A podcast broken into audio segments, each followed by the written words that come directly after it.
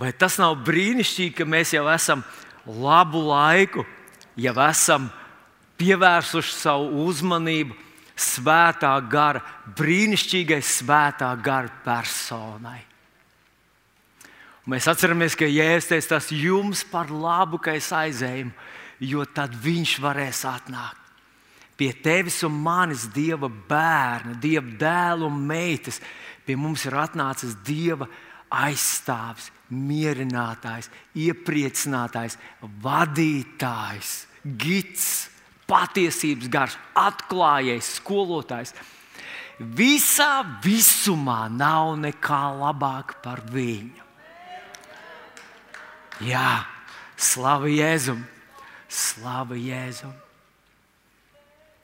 Es ceru, ka, nu, ka, ka tu esi paņēmis jau kaut ko savā dvēselītē, un paņēmis to arī ielicis to savā ikdienas prizmā. Tu redzi sevi, redzi savu dzīvi, savu perspektīvu. Šīs atklāsmes gaismā, ka Dievs ir devis savu gāru tev. Dieva bērnības garu, vai ne? tas, tas ir visiem Dieva bērniem. Un tas vien no, norāda to, ka tu esi Dieva bērns. Hū, tu esi glābts, tu piedari debesīm, tu piedari citai ģimenei, tu piedari debesu ģimenei. tas ir brīnišķīgi. Bet uh, iepriekšējā svētdienā Dārvids mums kalpoja, viņš runāja par spēku, un tās bija Tas bija vienkārši dinamīts. Tas bija dinamīts. Atcerieties, apstāties darbu, viens astoņi, bet jūs dabūsiet spēku, kad svētais gars būs nācis par jums. Būsiet man liecinieki Jeruzalemē, Jūdejā un Samarijā un līdz pat pašām pasaules galam, līdz pašām beigām. Mums nevajag krāpēt savus mantiņus un gaidīt jau, kad jau mēs jau nu, mēs gribam prom. Jau esam līdz es ticu ka viena no nozīmēm tur ir līdz pašām beigām aizņemt un nodarbināt. Bet kā jums patīk tā versija? Bet jūs dabūsiet dinamītu! dinamītu! Jā, tas ir jā, bet es jau nu, tā kaut kā nemaz tā nejūtu to dinamītu. Man ļoti, ļoti arī uzrunāja tas psalms, kur 84. psalmā, kur Dārvids mums parādīja. Tas man liekas, ir tā kā, nu, ja drīkst tā izteikties, kā koks uz acis, kur rakstīts, viņi iet no spēka uz. Tu nekad savā dzīvē vairs nebūsi tik nespēcīgs, kā tu esi šobrīd. Katru nākošā dienu pavadīt svētā gara vadībā, sadraudzībā ar kungu Jēzu, tu paliksi tikai stiprāks. Tikai stiprāks, jā, bet man gadi iet uz priekšu. Nu, jā, tu paliksi tikai stiprāks. Aleluja! Es ticu, ka tas ir Dieva plāns un nodoms. Un zinat ko? Manuprāt, Dievs mums ir devis vienu brīnišķīgu dziesmu, kuru es gribētu, lai mēs, un es tādu ļauju, tā uzmest tāds. Jā, draudzēji vien, vienīgi jaunieši. Kādu laiku atpakaļ te runāja, prieka vēsts ir tikai bagāto draugs, nu, nevis tikai miljonāru un tā tālāk. Iet. Jā, nu, ko tam mēs lieksimies, vai ne? Mums ir mantojums, mēs esam debesu tēva mantinieki. Viņš teica, ko acis nav redzējis, un auss nav dzirdējis. Neviens cilvēks simtprātā nav nācis no Dievs, ir sagatavojis kam? Ne, Halo! Nu, es uz tevi gribu parādīt, jā, tu tas esi! Vienu dienu tu staigās pa zelta ielām un teiksi, mans tēvs ar zelta bruģē ielas. Halleluja! Jā, bet šodien es atklāju, ka priekšvēs ir arī jauniešu draugs. Nav brīnums viņam tik jauns mācītājs. un tā tālāk, ha, ha, jā, neskaties uz telti. Jā, tas īstais vilnis ir tur iekšpusē. Viņš atjaunojas katru dienu no jauna. Un tas pats notiek ar tevi. Un es palūdzu, lai mums parāda vienu mazu video klipiņu, kur daudz locekļu mūsējie dzied vienu ļoti piemērotu, atbilstošu dziesmu tieši tieši šī atklāsme, ka mums ir dots spēks. Noklausīsimies viņu, un es lūdzu, lai tu piedalies, jo tas ir tieši mūsu garā, mūsu tajā nu, mentalitātē.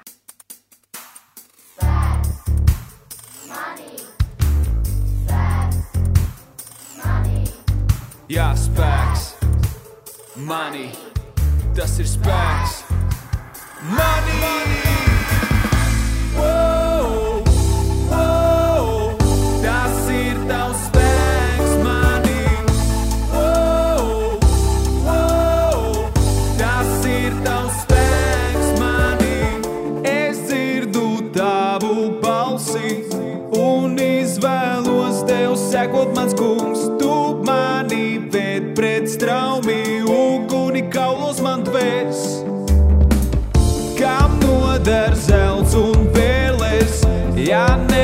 Negodāj to,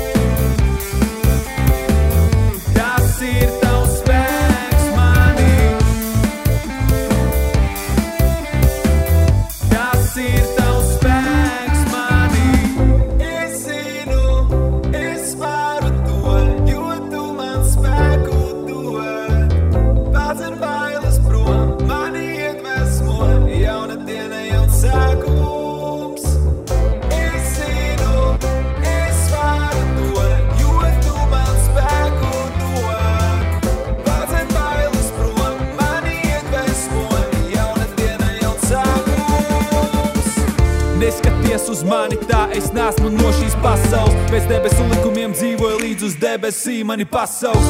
Jā, jā, dzīvoju tavā spēkā. Palīdzi man citiem palīdzēt, tik tā es varu uzvarēt.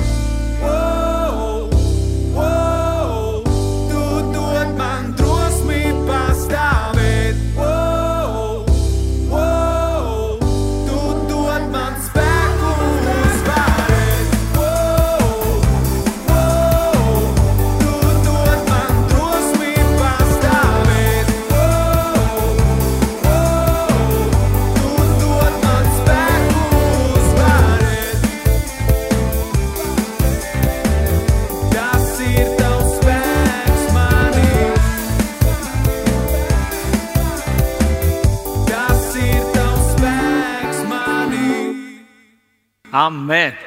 Amen! Amen! Paldies, Tev, Tēvs, Dievs, par spēku manī! Halleluja! Jā!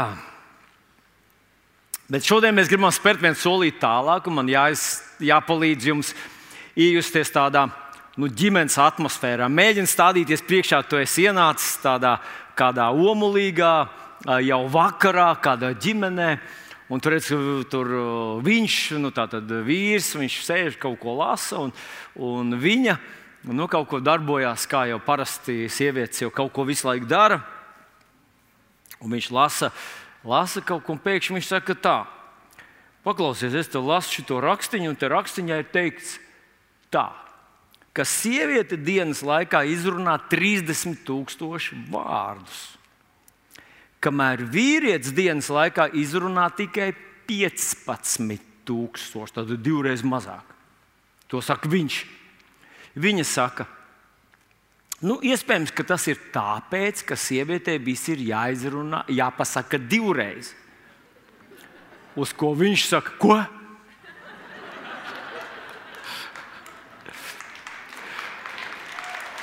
Aha. Ziniet, iespējams, ka mūsu vidū ir cilvēki, visdrīzāk sievietes, kas saka, nav taisnība, ir jāpasaka trīs reizes, lai sadzirdētu tevi. Bet mans jautājums šodien ir nopietnāks un, un dziļāks. Un tas ir, cik reizes dievam kaut kas ir jāpasaka mums, lai mēs to sadzirdētu un ņemtu vērā. Cik reizes dievam uz tevīm ir jārunā? Un mana, nu, tas viedoklis, kas man izveidojas par šiem dievkalpojumiem no janvāra mēneša, kad mēs runājam par svēto garu, mana pārliecība ir tāda, ka nav problēmas ar to, ka Dievs nerunā. Problēma ir ar to, ka mēs neklausāmies. Šodien es gribu iesākt ar rakstu vietiņu no Jeremijas grāmatas 10. nodaļas 23. pantā, kur uzrakstīts sekojoši vārdi. Es zinu, kungs, ka cilvēka dzīves ceļš nav viņa paša rokās, ka savā dzīvē vīrs nevar droši noteikt savu gājumu. Nu, to, ka tas tā ir, tas ir, nu, tas ir acīm redzams. Es domāju, ka mēs visi jau esam dzirdējuši un redzējuši kādus piemērus, kur cilvēki talantīgi, stipri, bagāti, izglītoti, erudīti, mērķtiecīgi, dažādu profesiju pārstāvji, aktieri, un sportisti, un politiķi un, un kaut kādu radošo profesiju pārstāvji savu dzīvi pabeidza apgājā. Un ne tikai tāpēc, ka kaut kas no malas ir ielauzies viņa dzīvē un sagrāvis to. Atkal un atkal mēs dzirdam par cilvēkiem, kas ir pārtraukuši savu dzīvi, beiguši savu dzīvi, neredzot tā īsti jēgas. Lai gan tie, kas no malas viņus vēro, apbrīno, teica, tie gan ir laimīgi, tiem gan viss padodas. Un mēs zinām, vispirms tas ir arī tāpēc, ka šajā pasaulē ir ienaidnieks, dievu un cilvēku ienaidnieks. Bet ne tikai tas. Cilvēks nekad nav bijis radīts, nekad nav bijis iecerēts, lai viņš dzīvētu, dzīvotu neatkarīgi, lai viņš viens pats iet savā dzīvē un sastaptos ar tiem izaicinājumiem un pienākumiem, kas cilvēkam dzīves ceļā ir. No paša, paša sākuma, kad mēs lasām Bībeli, lasām pirmās tās pantus, mēs redzam, ka Dievs ir paredzējis, gribējis būt blakus cilvēkam un ar vienu ir spiedies, tiecies pie cilvēka būt klāt kāds dievkalpojums atpakaļ. Mēs arī redzējām to ilustrāciju par to, ka sākot ar ēdienas dārzu, Dievs ir tas, kurš tuvojas cilvēkam, nevis cilvēks tuvojas Dievam. Paldies Dievam, mēs ar jums esam to sapratuši, un nu mēs cenšamies pēc iespējas vairāk spiesties viņam klāt, jo esam sajutuši sevī šo lielo vajadzību, ka cilvēks nedzīvo no maizes vien, bet viņam ir vajadzīgs Dieva vārds, lai viņš dzīvotu. Un paldies Dievam, Viņš to bagātīgi mums dod. Bet es gribu atgādināt arī, ka mēs ar jums dzīvojam īpašā laikā. Tas sākās 2000 gadu atpakaļ, un jau toreiz Bībelē tā sauc par pēdējām dienām. Bet to laiku arī var nosaukt par svētā gara laiku, par draudzes laiku. Šis draudzes laiks, žēlastības laiks, svētā gara laiks sākās ar svētā gara nonākšanu. Tad draudzene kļuva par draugu, un Dieva bērni, tie, kas seko Jēzum, kļuva par Dieva bērniem. Un šis ir laiks, kurā Dievs ir paredzējis, ka mēs ar tevi tiešām nestaigājam autopilotā. Paši ar sevi, paši ar savām domām, ar savām problēmām, ar savām cīņām, savā galvā, savā dvēselē un savā dzīvēm. Viņš ir gribējis, lai mēs tiekam svētā gara vadīti. Romiešiem 8,24 ir viens pāns, kurš izsaka ļoti dziļu un ļoti nopietnu patiesību, kur rakstīts, jo visi, ko vada Dieva gars, ir Dieva bērni. Vai var būt cilvēks, kurš ir glābts, bet netiek Dieva gara vadīts? Jā, par žēlu, mīļie draugi, tādu cilvēku ir diezgan daudz. Jo, diemžēl, nepietiek ar to, ka esam saņēmuši svēto garu. Es šeit runāju par cilvēkiem, kas ir saņēmuši svēto garu kristību. Ir vajadzīgs svētajam garam paklausīt. Redz, ja svētais gars griež pa labi tavu auto stūri, bet tu brauc pa kreisi, tad tas jau nenozīmē, ka viņš tevi vada. Tu taisni dari pretēji, un brīžiem ir tā, ka mūsu dabīgā mentalitāte, dabīgā pieredze, dabīgā sapratne, dabīgā loģika mūs ved pilnīgi pretējā virzienā, nekā mūsu dieva gars gribētu mūs vadīt. Šodien, mīļie draugi, es gribētu jums parādīt vienu no spilgtākiem Bībeles piemēriem, kur rīkoties Dievu, paklausot Dievu garam, ir iet pilnīgi pretējā virzienā nekā iet vienkārši pēc mīsīga cilvēcīgā rakstura. Un šī, šis gadījums uzrakstīts Marka evanģelijā, 5. nodaļā, Marka 5, bet šis pats ir aprakstīts arī vēl divos evanģēlijos, gan Matejā, gan Lūkas evanģelijā, 8. nodaļā. Tātad, bet mēs šodien paskatīsimies Marka evanģēliju un lasīsim no 1 līdz 20 pantam. Un es nolasīšu visu šo pagaro stāstu un ļoti gribētu, lai tu ieklausies tajā, jo pēc tam mēs vairs nelasīsim, mēs vienkārši atsauksimies to uz to, ko mēs izlasīsim tagad. Tātad es lasu Marka evanģēlijas 5. nodaļu no, no 1. panta. Tie nonāca viņpus jūras geraziešu zemē Viņam no laivas izkāpjot, tūdaļ nāca pretim no kapiem cilvēks ar nešķīstu garu, kam bija sava mītne kapos, ko neviens nevarēja ne ķēdēm saistīt. Jo tas pinekļiem un ķēdēm daudzkārt bija saistīts. Bet viņš salauza ķēdes un sarāva pinekļus, un neviens to nespēja savaldīt.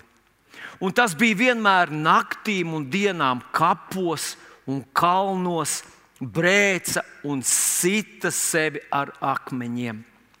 Bet Jēzu no tālienes ieraudzījis, tas skrēja un metās viņa priekšā zemē.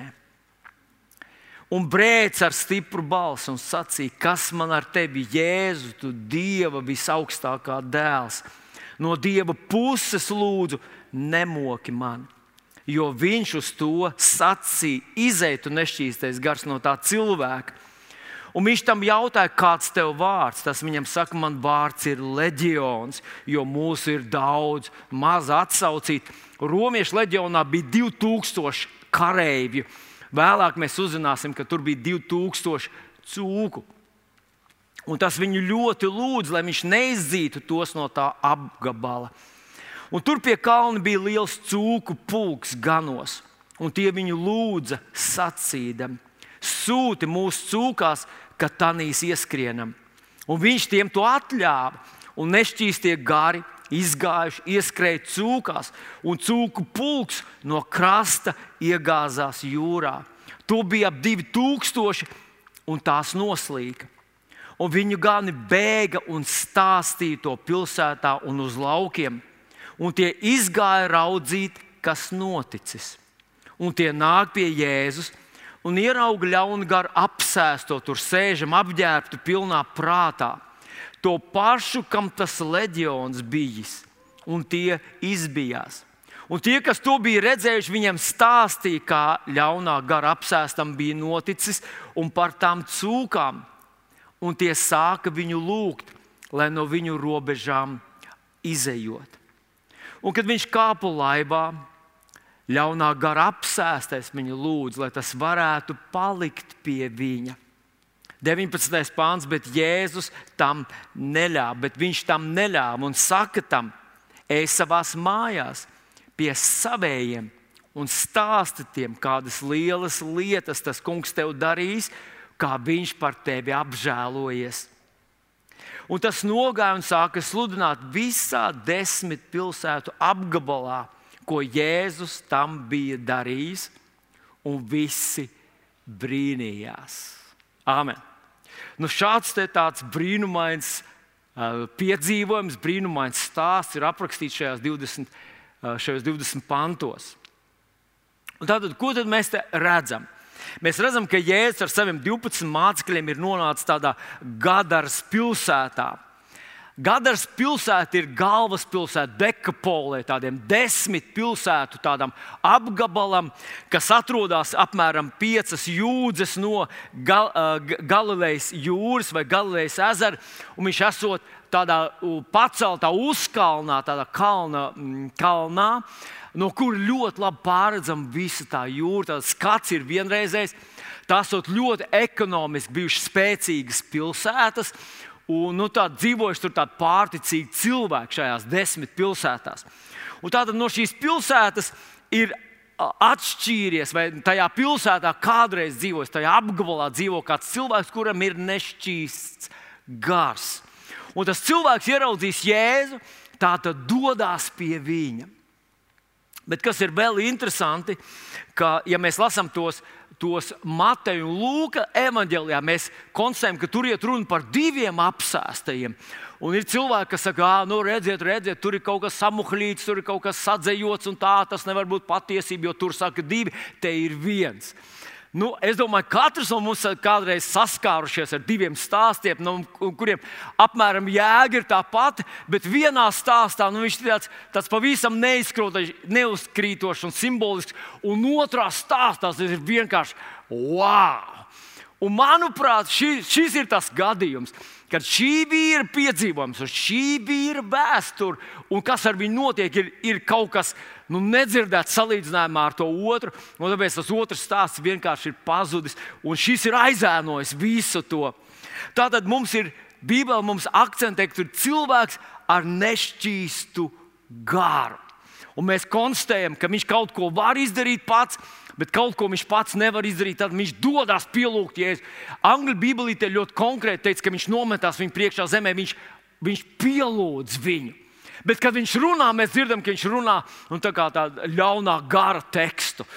Un mēs saprotam, ka kaut kāda brīvība šim, šim cilvēkam bija. Es nezinu, cik viņš jauns bija. Kaut kāda brīvība viņam bija. Un šo savas brīvības, to, to iespēju, cik viņam tā kapacitāte bija, viņš izmantoja. Viņš nevis bēga no Jēzus, viņš būtu varējis aizbēgt no Jēzus. Un daudz cilvēku bēg, ir sliktā situācijā. Un mēs viņam sakām, re, kā Dievs tur palīdzēja. Bet tie cilvēki neizmanto šo savu brīvību, lai dotos pie viņa, bet bēg no viņa. Šis cilvēks rīkojas pretēji. Bet tā tad mēs konstatējam, ka, ir, ka tur ir ļoti daudz to garu, 2000 garu. Mēs daudz ko no tā varētu secināt, bet neapstāsimies pie tā, virzīsimies pie tās galvenās mūsu šīs dienas apskatāmās tēmas. Tātad, un ko mēs interesanti ieraugam, ka Jēzus bija pavēlējis tam ļaunam garam iziet, bet tas nenotiek uzreiz. Mēs kādreiz uzreiz saliekam visus savus ieročus atpakaļ somā un sakām, nu nestrādā. Jēzus tā nedarīja. Pat ja dziedināšana nenotika uzreiz, pat ja ļaunie gari uzreiz negāja ārā, Jēzus zināja, ka viņa autoritāte, tas spēks, kas ir viņam, un ir mums ar tevi, ir nesalīdzināmāk lielāks nekā tas, kas ir pret viņu ienaidniekam. Un Jēzus pastāv savā pozīcijā, viņam jāiet prom. Bet, mīļie draugi, tātad vispirms viņam bija nešķīsts gars.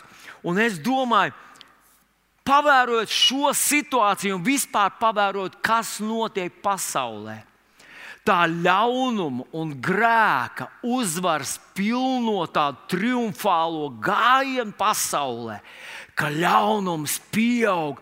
Nu, tā vien šķiet, Es varbūt neesmu apkopojis faktus šodien, bet tas bija kāds, kāds gadus atpakaļ, kad uh, man interesē, pasaule cīnās ar bada problēmām. Pasaulē tātad bagātās valsts liek kopā resursus, sūta tur maizi, sūta tur kaut kādus risinājumus uz trūcīgajām valstīm.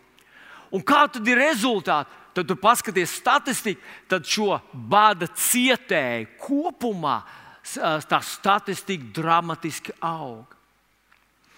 Kādu laiku atpakaļ, tas bija kādu gadu atpakaļ, man bija iespējams runāt ar, ar izmeklētāju, kas izmeklē uh, noziegumus pret bērniem, seksuāla rakstura noziegumus pret maziem bērniem. Un tad es jautāju tam izmeklētājam, kā tad ir tendence. Ņemot vērā, ka mēs nu, cīnāmies, un mums ir izdota likuma, un viņus liek cietumā, tie, tie noteikumi un sodi ir ļoti nopietni tad tas izmeklētājs man teica, ka to noziegumu skaits dramatiski pieaug. Un zinot, ko mēs gribam apstādināt ļaunumu, mēs gribam apstādināt naidu, mēs gribam apstādināt kaut kādu uh, ienaidu starp nacionālu naidu kurināšanu. Un tā vien šķiet, ka pasaulē visas šīs lietas vienkārši pieaug dramatiskajā ātrumā. Mēs nevarētu to izskaidrot, ja mēs nepaturētu prātā, ka aiz visa ļaunuma, aiz grēka, naida, aiz meliem, aiz vis tā, kas, ko mēs varētu saistīt ar ļauno un demonisko, stāv Lucifers. Šī, šī figūra, kur Dievs bija radījis kā sargātā ķēruba, bet viņš sadumpojās pret Dievu. Un galvenais, ar ko sākās šī viņa lielā krišana, ar to, ka viņš nebija apmierināts ar to vietu, ar to lomu un to mm, pozīciju, ko Dievs viņam bija uzticējis. Un, lai gan tā bija viena no dramatiski augstākām, nozīmīgākām pozīcijām debesīs, viņam ar to nebija diezgan. Un viņš sāk savu sacelšanos ēdienas dārzā. Tādēļ šis bezskaislīgs, bez emociju, absolūti nežēlīga ļaunuma iemiesojums mocīs šo cilvēku. Mēs nezinām, cik ilgi, bet es domāju, ja mēs varētu ieskrīties tur iekšā, tur bija tik daudz ciešanas. Atcerieties, mēs lasījām, ka viņš bija naktīm un dienām, kapos un kalnos. Viņš brēca un daudzīja sevi ar akmeņiem. Es varu iedomāties, kāds izskatījās viņa ķermenis no tām rētām, kur viņš graizīja sevi, sita sevi.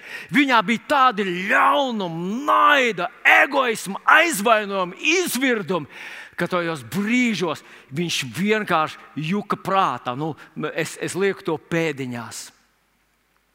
Bet, mīļie draugi, tas nebija viss. Un man gribētos apgalvot, ka pat vēl lielāku akcentu šis stāsts liek uz vēl kaut ko.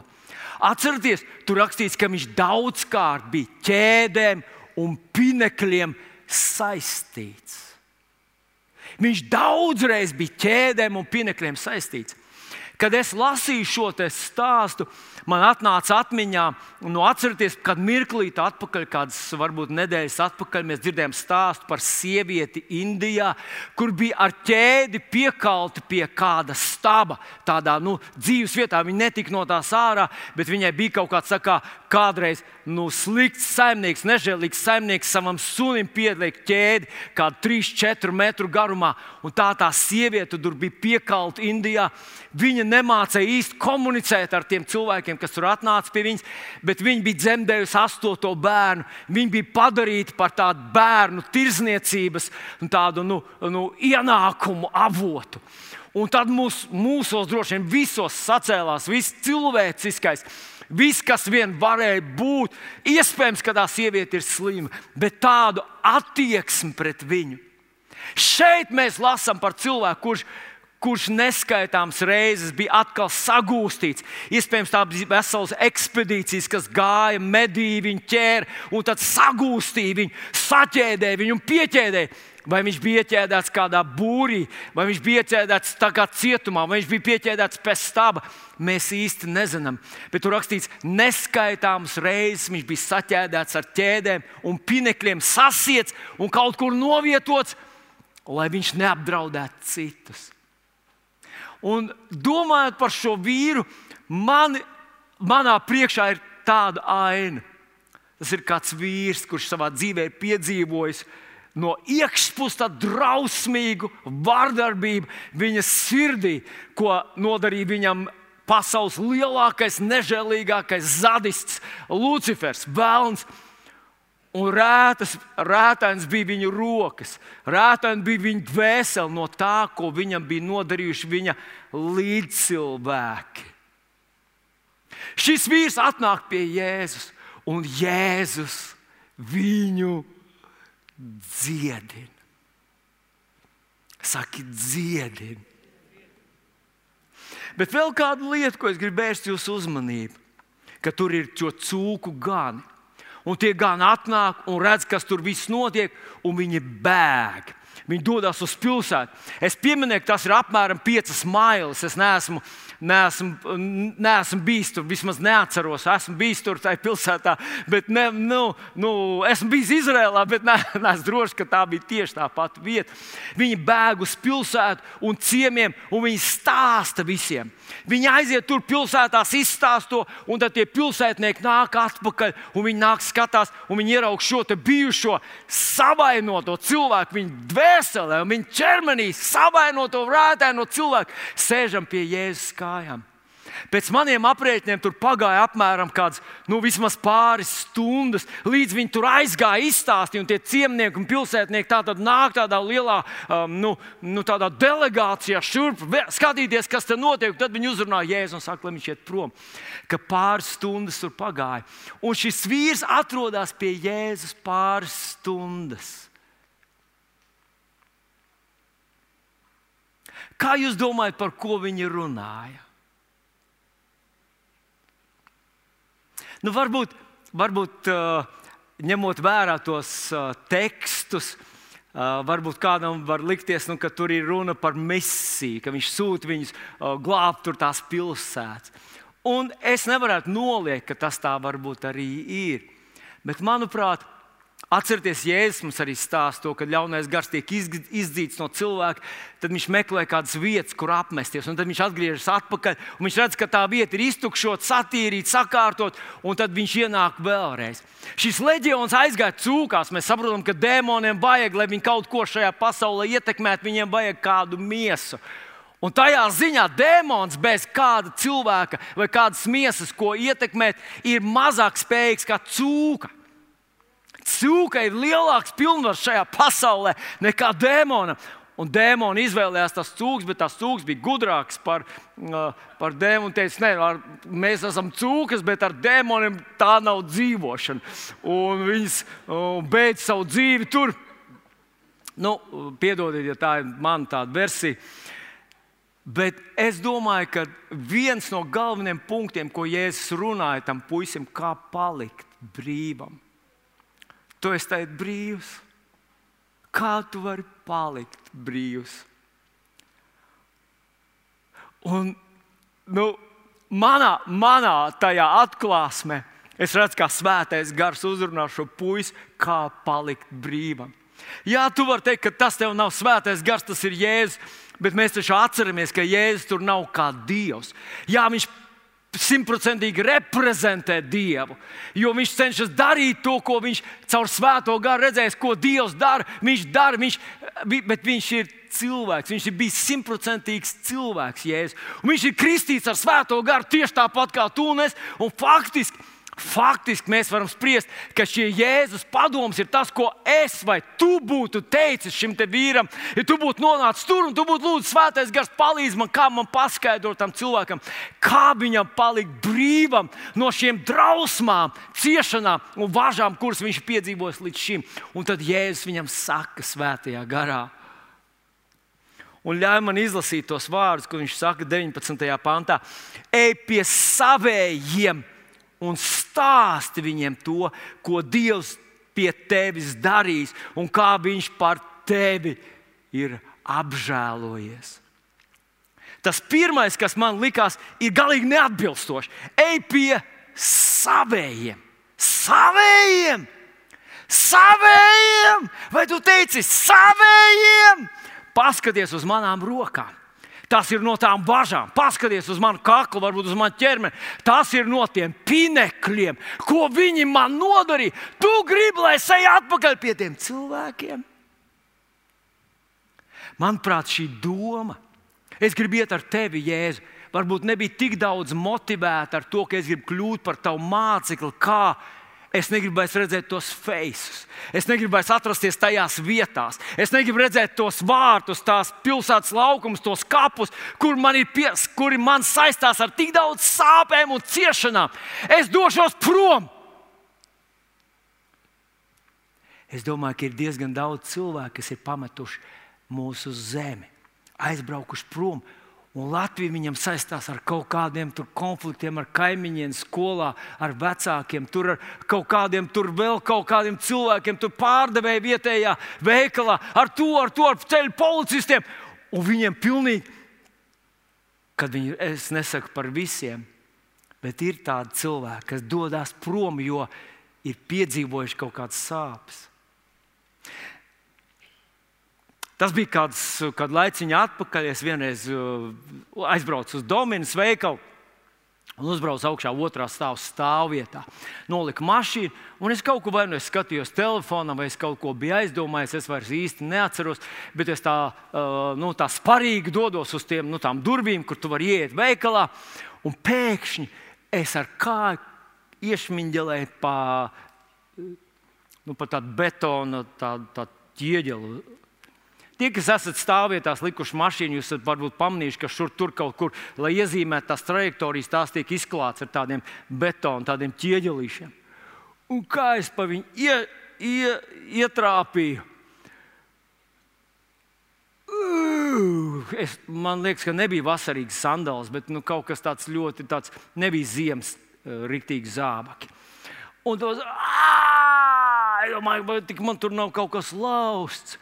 Un ziniet, kas ir interesanti? Ka es nebiju dusmīgs uz to ķieģeli. Es biju dusmīgs uz to cilvēku, kurš tur nolicis ķieģeli. Tā kā, zinot, neviens nedusmojas uz stabiņiem Rīgas ielās, vai ne? Mēs dusmojamies uz cilvēkiem. Kādreiz mēs apmaldamies mežā, un es neesmu saticis nevienu cilvēku, kurš ir dusmīgs uz mežiem. Tie meži man riebjās, vairs nekad. Nē, mēs kaut kā Lai arī kas ar mums notika, mēs dusmojamies, apvainojamies, sarūktinamies uz cilvēkiem. Un man gribas apgalvot, ka šī vīra dvēsele bija pilna sāpju, rūkstu un vilšanās. Tajā bija tādas nedzīstošas, rētas brūces pret līdzcilvēkiem, kas tur viņam bija blakus. Bet interesanti, ka Jēzus viņu nosauca ej pie savējiem. Un zinat, ko tas man izsaka? Vispirms man tas izsaka to, ka tie cilvēki jau negribēja viņam nodarīt pāri. Tie cilvēki kaut kā iesaisties, kaut kā to problēmu vajadzēja risināt. Ja viņš būtu bijis noziedznieks, viņi būtu viņu nomētājuši akmeņiem. Toreiz notiesāt cilvēku nāves spriedumu bija vieglāk nekā šodien. Nevajadzēja nekādas trīs instances, tur advokāts un tiesnesis un viss kaut ko. Ja bija kāds pāris cilvēki, kas teica, ka viņš zaimoja dievu, viņš tur nu, kādu nogalinājis, vai dienu viņi būtu nomētājuši ar akmeņiem septiņas reizes nedēļā. Nu, sabatā nē, bet tas, tas būtu izdarīts ātri.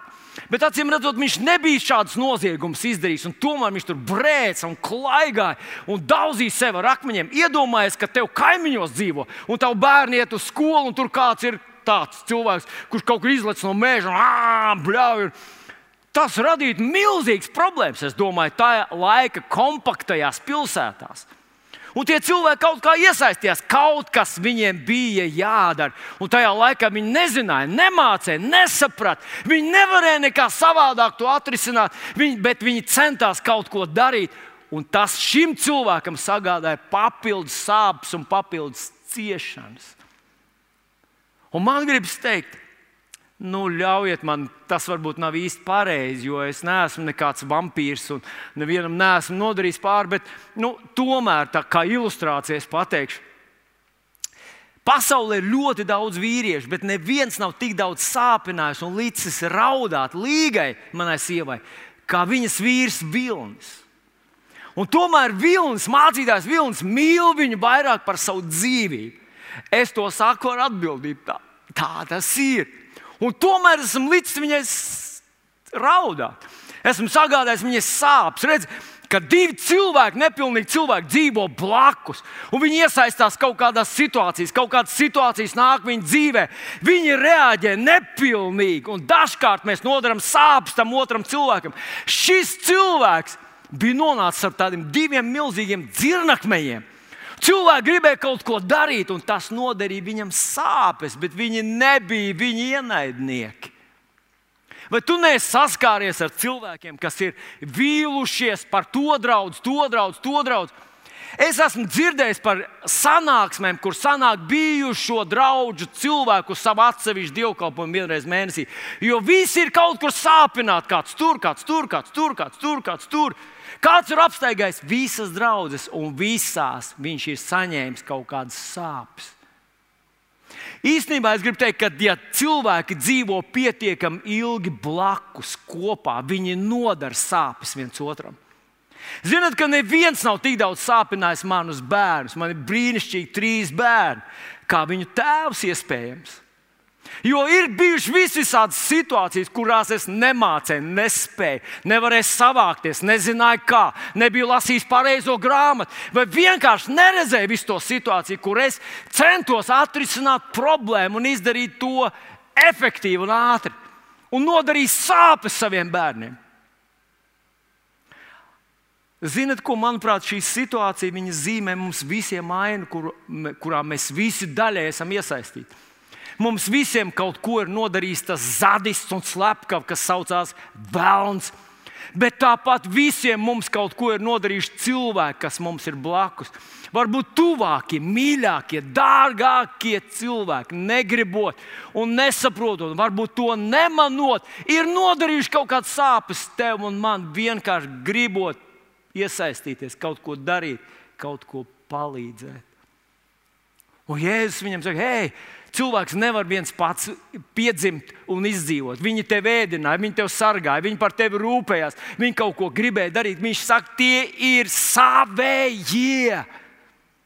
Mans mīļais brāl un māsa, īpaši tu, ja tu esi priekvēstī jau ilgu laiku. Noteikti, ka tu esi sāpināts šeit. Noteikti, ka kaut kas nav pamanīts, kaut kas nav sadzirdēts, kaut kas nav pateikts tad, kad vajadzēja pateikt to, ko vajadzēja pateikt, tad, kad vajadzēja pateikt. Noteikti. Bet mēs esam tev savējie. Es runāju par draugu cilvēkiem. Ja tu esi no citas draudzes, droši vien, ka tev ir tava draudzene. Tev nav jāiet prom. Jēzus teica, nāc atpakaļ pie savējiem. Mēs gribam, mēs ticam, ka draudzene ir priekš cilvēkiem. Mēs kalpotāji esam priekš cilvēkiem. Mājasgrupas vadītāji ir priekš cilvēkiem. Neviens šeit neceļ savu valstību.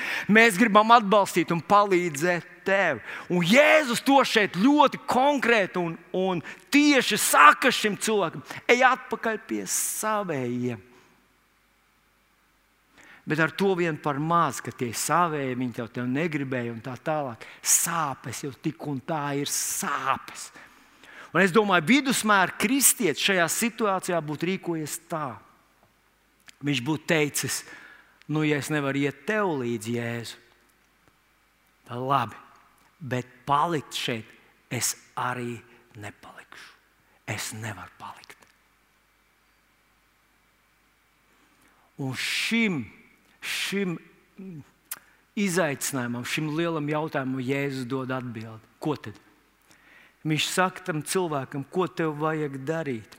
Es ticu, ka tas ir tas, ko Svētais Gars vēl aizvien šodien saka un māca katram cilvēkam, kurš ir saskāries ar tādu situāciju, ka kaut ko tev ir nodarījis pāri, nodarījis pāri Lucifers, vēlns, ienaidnieks. Bet kaut ko tu esi saņēmis, kāds sitiens, grieziens, spiediens, stūmiens, um, bakstiens no cilvēkiem, un tie arī sāp. Un ko tad viņš te saka? Viņš saka, ej pie saviem, un ko dari? Stāsti viņiem, ko Dievs tev darīs, ko Dievs tev darīs. Ak, Dievs, ko Dievs tev darīs? Ah, ko Dievs tev darīs? Man jāstāsta viņiem, ko Dievs man darīs. Jā, ko tad viņš tev ir darījis? Ļaujiet man atgādināt pantus, kurus mēs visi zinām, un tad paklausieties, mīļie draugi. Jo tajos ir iekšā vienkārši atombumba, tajos ir iekšā tas dinamīts. Nu, re, Iesai 53. nodaļa, 4. un 5. pāns. Taču viņš nesa mūsu sērgas un ciešanas mūsu sāpes viņš bija uzkrājis sev, kur pretī mēs viņu uzskatījām par sodītu, Dievu satriektu un nomocītu. Zināt, ko šie divi panti, 53, Iesai 53, 45, runā par divām daļām. Ot, otrajā daļā viņš runā par to, ko Dievs uzkrāja Jēzum, par to sodu, atraidījumu, Dieva dusmām, par visu to, to lāsta zīmolu, ko viņš uzkrāja Jēzum, tāpēc, lai viņam tas nebūtu jāuzkrauj mums. Bet pirmajā viņš saka par to, ko Jēzus pats paņēma. Un tad viņš saka, viņš paņēma mūsu sērgas, mūsu ciešanas, mūsu sāpes. Saki, sāpes. Nu, ļoti bieži mēs uzreiz to noreducējam. Nu, man sāp kāja, vai man ir aklā zārna. Jēzus, tu paņēmi manas aklās zārnas, iekaisam, halleluja! Un tam ir sava vieta, un tas tā patiesi ir. Viņa brūcēs, mēs esam dziedināti. Bet zinat ko? Šim vīram, pirms viņa rētām un brūcēm uz viņa ķermeņa. Viņam bija dvēseles sāpes, par kurām, manuprāt, šeit iesai pirmām kārtām runā. Viņš paņēma tavas sērgas, tavas sāpes, tavas ciešanas. Vai Jēzus varēja paņemt manas dvēseles sāpes? Vai viņas ir svarīgākas par manu aklo zārnu, manu kāju, manu īkšķi, manu galvu, manām plaušām? Vai viņas ir svarīgākas? Paskaties, ka Jānis 3. vēstule sākās 2. pantā. Nu, tad, nu, mīļais, es tev novēlu tādu labklājību un veselību, kāda jau ir tavai dvēselē. Īstenībā, ja mūsu dvēseles savainot, ja tur ir nesadzījušas brūces, tur asiņo, tad mēs arī savā ķermenī nevaram saņemt nekādus lielus brīnumus, jo tas svarīgākais, tā mūsu mūžības daļa, nav dziedināta. Un esmu pārliecināts, ka Jēzus saka, hei, hei pirmām kārtām es gribētu dziedināt tavu dvēselīti. Un ko tad viņš izdara? 2. korintiešiem 5, 17. Tādēļ, ja kas ir Kristu, tas ir jauns radījums. Viņš mūs radīja par jaunu. Tas puisis, kad viņš atnāca pie Jēzus un pielūdza viņu, teorētiski tas vēl nav noticis, bet mēs zinām, ka Jēzus ir, ir Dieva jērs, kas upurēts pirms pasaules radīšanas. Viņš paņēma šī vīra savainoto, sāpošo, asiņojošo dvēseli un ielika tur jaunu, dziedinātu, līdzsvarotu. 1. Jānis 17. rakstīts, kāds viņš ir, tādi mēs esam šajā pasaulē. Tikai mīļais draugs.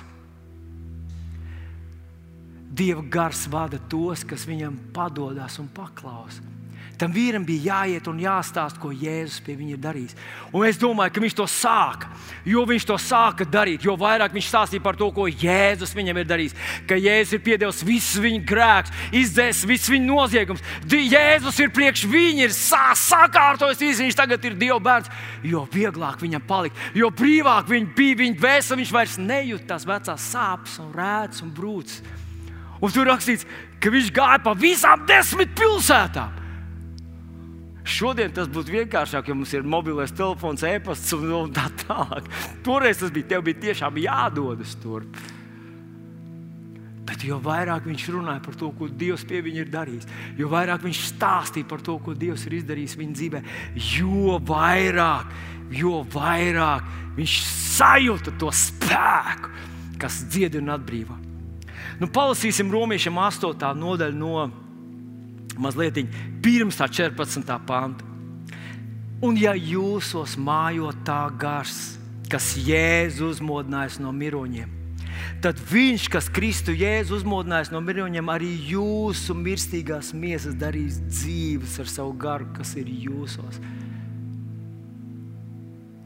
Manī mājo tā gars, Jūs dabūjāt spēku. Mums ir spēks, spēks manī. Tev viņš nav jāsagaida kaut kur no augšas, viņš ir dziļi, dziļi tavā personībā. Nesen man bija saruna ar vienu vīru, kuram vajadzēja pieņemt tādu ļoti atbildīgu lēmumu. Un viņš man teica, tā vilna, es īsti nesaprotu. Man, man, man, ir, man situācija ir tāda. Man tā kā ir virsma, kur visu laiku viss mainās. Tad ir drusku dziļāk, kur arī nav mierīgi. Tā kā visu laiku brīžiem ir šitā jārīkojas, brīžiem jārīkojas tā. Tie argumenti, tie vēji ļoti mainās. Un pilnīgi pretēji ziemeļvējš, dienvidvējš, ziemeļvējš, jā, nē, jā, nē. Bet, saku, bet kas ir tur dziļumā? Viņš saka, ja tur pavisam, pavisam dziļi, tur ir, tur ir tā atbilde. Jā. Tas ir tas, kā svētais gars tev vada. Tavas personības pašā, pašā dziļākajā tevī. Svētais gars tur ir. Viņš tur mājo, tevī mājo tā gars, kas Jēzu uzmodināja no miroņiem. Viņš arī tavas mirstīgās miesas darīs dzīves ar savu garu, kas mājo tevī. Tātad 12. pāns, tātad brāļi, mūs vairs nekas nesaista ar miesu, ka mums būtu jādzīvo pēc miesas. Redzi, pēc miesas tam vīram nebija tur jāatgriežas. Pēc miesas viņam negribējās vairs redzēt to cilvēku. Pēc miesas viņš atcerētos, tas būtu dzīves, gadu desmitiem dzīvi, tie pāri darījumi, tie viepļi, tie, tās skaņas, tās ciešanas, tās asiņošanas, tās nedzīvošās rokas un tā tālāk. Bet pēc gara tas viss ir aizgājis. Tas ir kaut kas jauns. Es domāju, ka lielākā daļa no jums kādreiz esat nopirkuši lietotu automašīnu, kur kāds ir lietojis pirms jums, un tagad tā ir kļuvusi par jūsēju. Un jūs braucat, jums patīk, jūs nopirkāt tādu, kādu gribējāt. Varbūt nebija jauna, bet vienalga ir ļoti laba. Un tad pēkšņi jūs esat nokārtojuši visus dokumentus. Tagad tā ir jūs, jūs ieliekat savu smaržģiņu, tur iekšā iztīriet visus vecos ārā, visas vecās, ieliekat savas krondeles tur iekšā. Tagad tā ir jūs, jā. Un pēkšņi tev atnāk čeks par to, par sodu, kurš ir nopelnījis, tad, kad tas iepriekšējais īpašnieks vēl viņam piederēja tā mašīna. Vai tu, tu ej un maksā to? Nē, tu, tu esi sašuts. Tu esi kā, kas par bardaku, kas tas nav mans, tas, man, tas ar maniem nekāds kopīgs. Tā mašīna tagad pieder man, pavisam citam cilvēkam. Tas ir tas, ko viņš izdarīja ar tevi. Viņš tajā transporta līdzeklī, tas, kurš šobrīd sēž uz krēsla. Šī miesa ir šīs zemes transporta līdzeklis. Iedomājieties, tev mašīna stāv ārā, vai ne? Iedomājieties, ja kāds tur iet, tad grib kaut ko tev nodot un runā ar tavu mašīnu. Tu teiksi, hei, tu, tu, hallo, es esmu ārā šobrīd no mašīnas. Tā vienu dienu mēs atstāsim šī zemes transporta līdzekli, jo mēs tikai esam uz laiku tajā iekšā. Un tas ir tas, ko Dievs izdarīja ar tevi. Viņš nomainīja to īsto būtību, to īsto pasažieru. Agrāk tu biji tālu, tagad es tu, agrāk tu biji tums, tagad es gaismu. Agrāk tu biji ienaidā, tagad tu mīli Dievu. Agrāk tu biji pazudis, tu gāji uz eļļu, tagad tu ej uz debesīm. Tā pārmaiņa, tā radikālā pārmaiņa. Huu! Tā tad, brāl, mūs vairs nekas nesaista ar miesu, ka mums būtu jādzīvo pēc miesas. Un tad viņš saka tos stipros vārdus, jo, ja jūs pēc miesas dzīvojat, tad jums jāmirst. Redziet, ja es ticīgs cilvēks, pieņems jēzu par savu kungu, ja es staigāju, saka, man nodarīja, man pateica, man tā. Mans dzīvības spēks paliks ar vien mazāk. Tas ir loģiski, jā, tas ir loģiski. Ja, katrs psihologs tev teiks, ka vajag atgriezties tajā vietā un vēlreiz. Un, ziniet, tas ir patīkami. Tas ir kaut kur miesai, tas sagādā tādu milzīgu tādu patiku. Nē, Vilni, man nesagādā patika. Nu, Paskatieties, multfilmu. Atcerieties, bija tas kā Grīņš nozaga Ziemassvētkus. Būtībā te ir runa par tādu grīņu. Un tad tur Grīņš saņem uzaicinājumu uz kasīšu ciemiemiem doties uz Ziemassvētkiem, bet viņš negrib iet. Viņš uzskaita visu, kas viņam ir saplānots tajā laikā. Starp vieniem no viņa lielajiem plāniem tur bija arī sevis žēlošanas ballīte. Kā man nodarīja? Kā es toreiz jutos? Cik sentimentāli tas sajūta, dzīve un patīkami ir sieva tā runā, kā viņš pateica, tas lops, es viņam trīs bērnus piedzemdēju. Nu, es viņam vienu bērnu piedzemdēju. Viņš, viņš, Vīri tieši tā paša dara. Tāda balīta, ka tu sāc sev stāstīt, cik tu esi balts un pūkains, un kā tā otra puse ir nežēlīga. Tā cilvēka runā par draugiem, tā cilvēka runā par mācītājiem, tā cilvēka runā par savām ģimenēm. Vai jūs zināt, cik daudz bērnu apprecās tikai tāpēc, ka grib tikt prom no saviem vecākiem. To nekad godīgi nepasakot viņiem. Tā ir diezgan daudz. Bet, ja tu kā Dieva bērns pieņem Jēzu par savu kungu, viņš izmaina, izrāva ārā veco sēriju, ielika tevī jaunu cilvēku. Tu esi jauns radījums Kristu Jēzu. Un tagad Tu ļauj, lai svētais gars tev saka, hei, bet ko Jēzus priekš tevis izdarīja? Atcerieties, Jāņa 16. nodaļā, Jēzus saka, nāk svētais gars, viņš jūs pārliecinās par grēku, par grēku, ka tu netici viņam. Ko Jēzus priekš manis izdarīja? Stāst viņam, ko Jēzus priekš tevis izdarīs. Pirms tu pastāstīsi man, ko cilvēki tev ir nodarījuši, pasaki, ko Jēzus tev nodarīja. Un tu saki, viņš man piedeva, viņš man dziedināja, viņš man šķīstīja, viņš izņēma no manis visas sāpes, ciešanas. Viņš to paņēma sevi, vai viņš varēja to paņemt? O, jā, O, jā, ja tu tam tici. Es nobeigšu ar rakstvietiņu, kas, manuprāt, ir vēlreiz runā par to ļoti stipri. Nu, kur tā ir? Tas ir turpat Romas 8. vēstulītē, 5. pāns. Jo miesas cilvēki tiecas pēc miesas liet, lietām, gara cilvēki pēc gara lietām. Miesas tieksme ved nāvei, gara tieksme uz dzīvību un mieru. Mīļie draugi, padoties svētajam garam nozīmē dzīvot mīlestības motivētam. Ka tu mīli tos cilvēkus, kas tev ir nodarījuši pāri, jo tu neesi tas, kuram viņi nodarīja pāri. Viņi nodarīja pāri Jēzu. Atcerieties, pastorā dienā Jēzus mums stāsta, ka atnāca cilvēki un saka, jūs gājāt pie tiem, kas bija cietumā, kas bija slimi, kas bija izsalkuši, jūs viņus paēdinājāt, jūs viņiem tur ir runa par labiem darbiem. Bet tāpat attieksies pret tiem cilvēkiem, kas būs nodarījuši sāpes. Jūs toreiz man sagūstījāt, jūs toreiz man netaisni apsūdzējāt, jūs toreiz mani sitāt, jūs mani vajājāt, tu aprunāji mani, tu tenkoji par mani tajā kolektīvā. Cilvēki neko tev vairs nevar nodarīt, jo tu esi Kristu Jēzu. Dievs teica, es aizstāvēšu, man pieder atriepšana. Un, kad tu to ieraugi, tad tev nav jābaidās par sevi. Tev nevajag visu tās sāpes savākt savā dvēselē un neaizmirst. Es esmu piedevis, bet neaizmirst. Priekš kam? Palaid to prom, Jēzus to paņems prom, lai visa pasaule ir savējie tev. Krievi un latvieši, ukrāņi un vācieši un, un visi cilvēki, ar kuriem tu sastapsies, ar kuriem tev ir pagātne, negatīva pieredze, ir savējie tev. Kāpēc? Pastāst man, ko Jēzus tev izdarīja. Un tad tu ieraudzīsi, ka tu esi brīvs, dziedināts.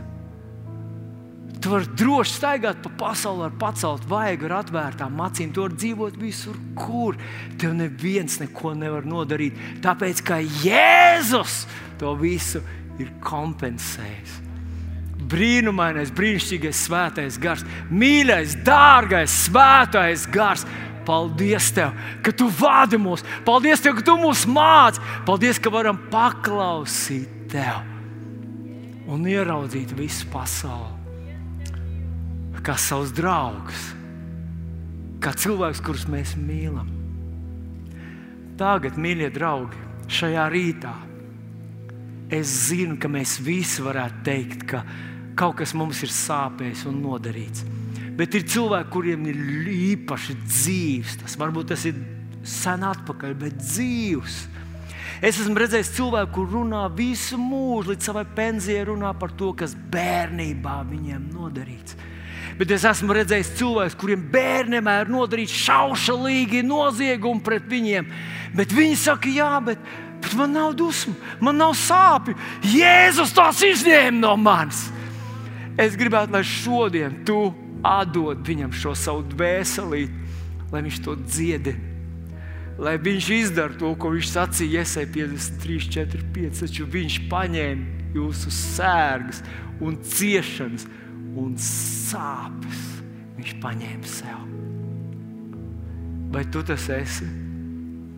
Vai tu tas esi? Vai šajā rītā svētais gars tev atgādina kaut ko, kas tev ir nodarīts, varbūt nezinot un negribot?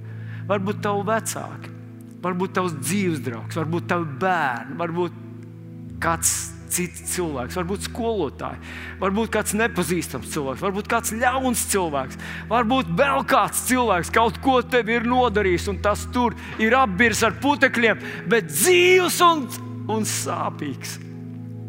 Vai tu vari šodien noticēt, ka Jēzus to paņēma sevī, lai tu to vairs nenestu?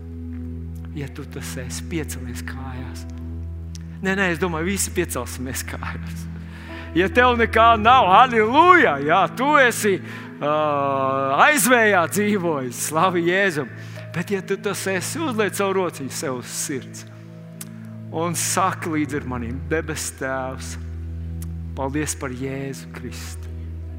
Paldies Tev par dziedināšanu manai dvēselē. Paldies Tev, ka Jēzus paņēma manas sāpes, manas ciešanas, manas dvēseles sāpes un ciešanas. Es tā sadotu Tev, Jēzu. Un es lūdzu, lai Tava eļļa, dziedinošā eļļa, ielīst manā dvēselē un sadziedē to. Es to vairs nenesīšu līdzi. Es to šodien atstāju pie Tevis. Paldies, Tev, Kungs! Paldies, Tev, Kungs! Paldies Tev par sakārtotu, līdzsvarotu, klusu un tīru dvēselīti, tāpēc ka Jēzus to izdarīja. Tagad, ja tu lūdz par sevi, paliek, lai tā, tā rociņa paliek tev uz sirds, es aizlūgšu par tevi. Es šeit no šejienes, es ticu, ka svētajam garam ir iespējams tev pieskarties arī tur, kur tu esi. Debes Tēvs, mēs pateicamies! Ka tu esi mūs izrāvis no vēlna varas, bet pateicamies arī par dziedināšanām mūsu dvēselēm no tā, ko cilvēki mums ir nodarījuši. Negribot, varbūt mīlestībā, nezināšanā, nemācīšanā, nespējā un tomēr nodarījuši. Šodien mēs pieņemam šo dziedināšanu pār visu šo draugu Kungs, lai visi tie covid saspringumi, visi tie vārdi, visas tās emocijas, lai tās aiziet prom bez pēdām. Mēs lūdzam, lai tavs brīvību un dzīvību dodošais svētais gars atbrīvo mūs no šīm vakardienas rētām, mūsu dvēselēs. Saka, es to pieņemu.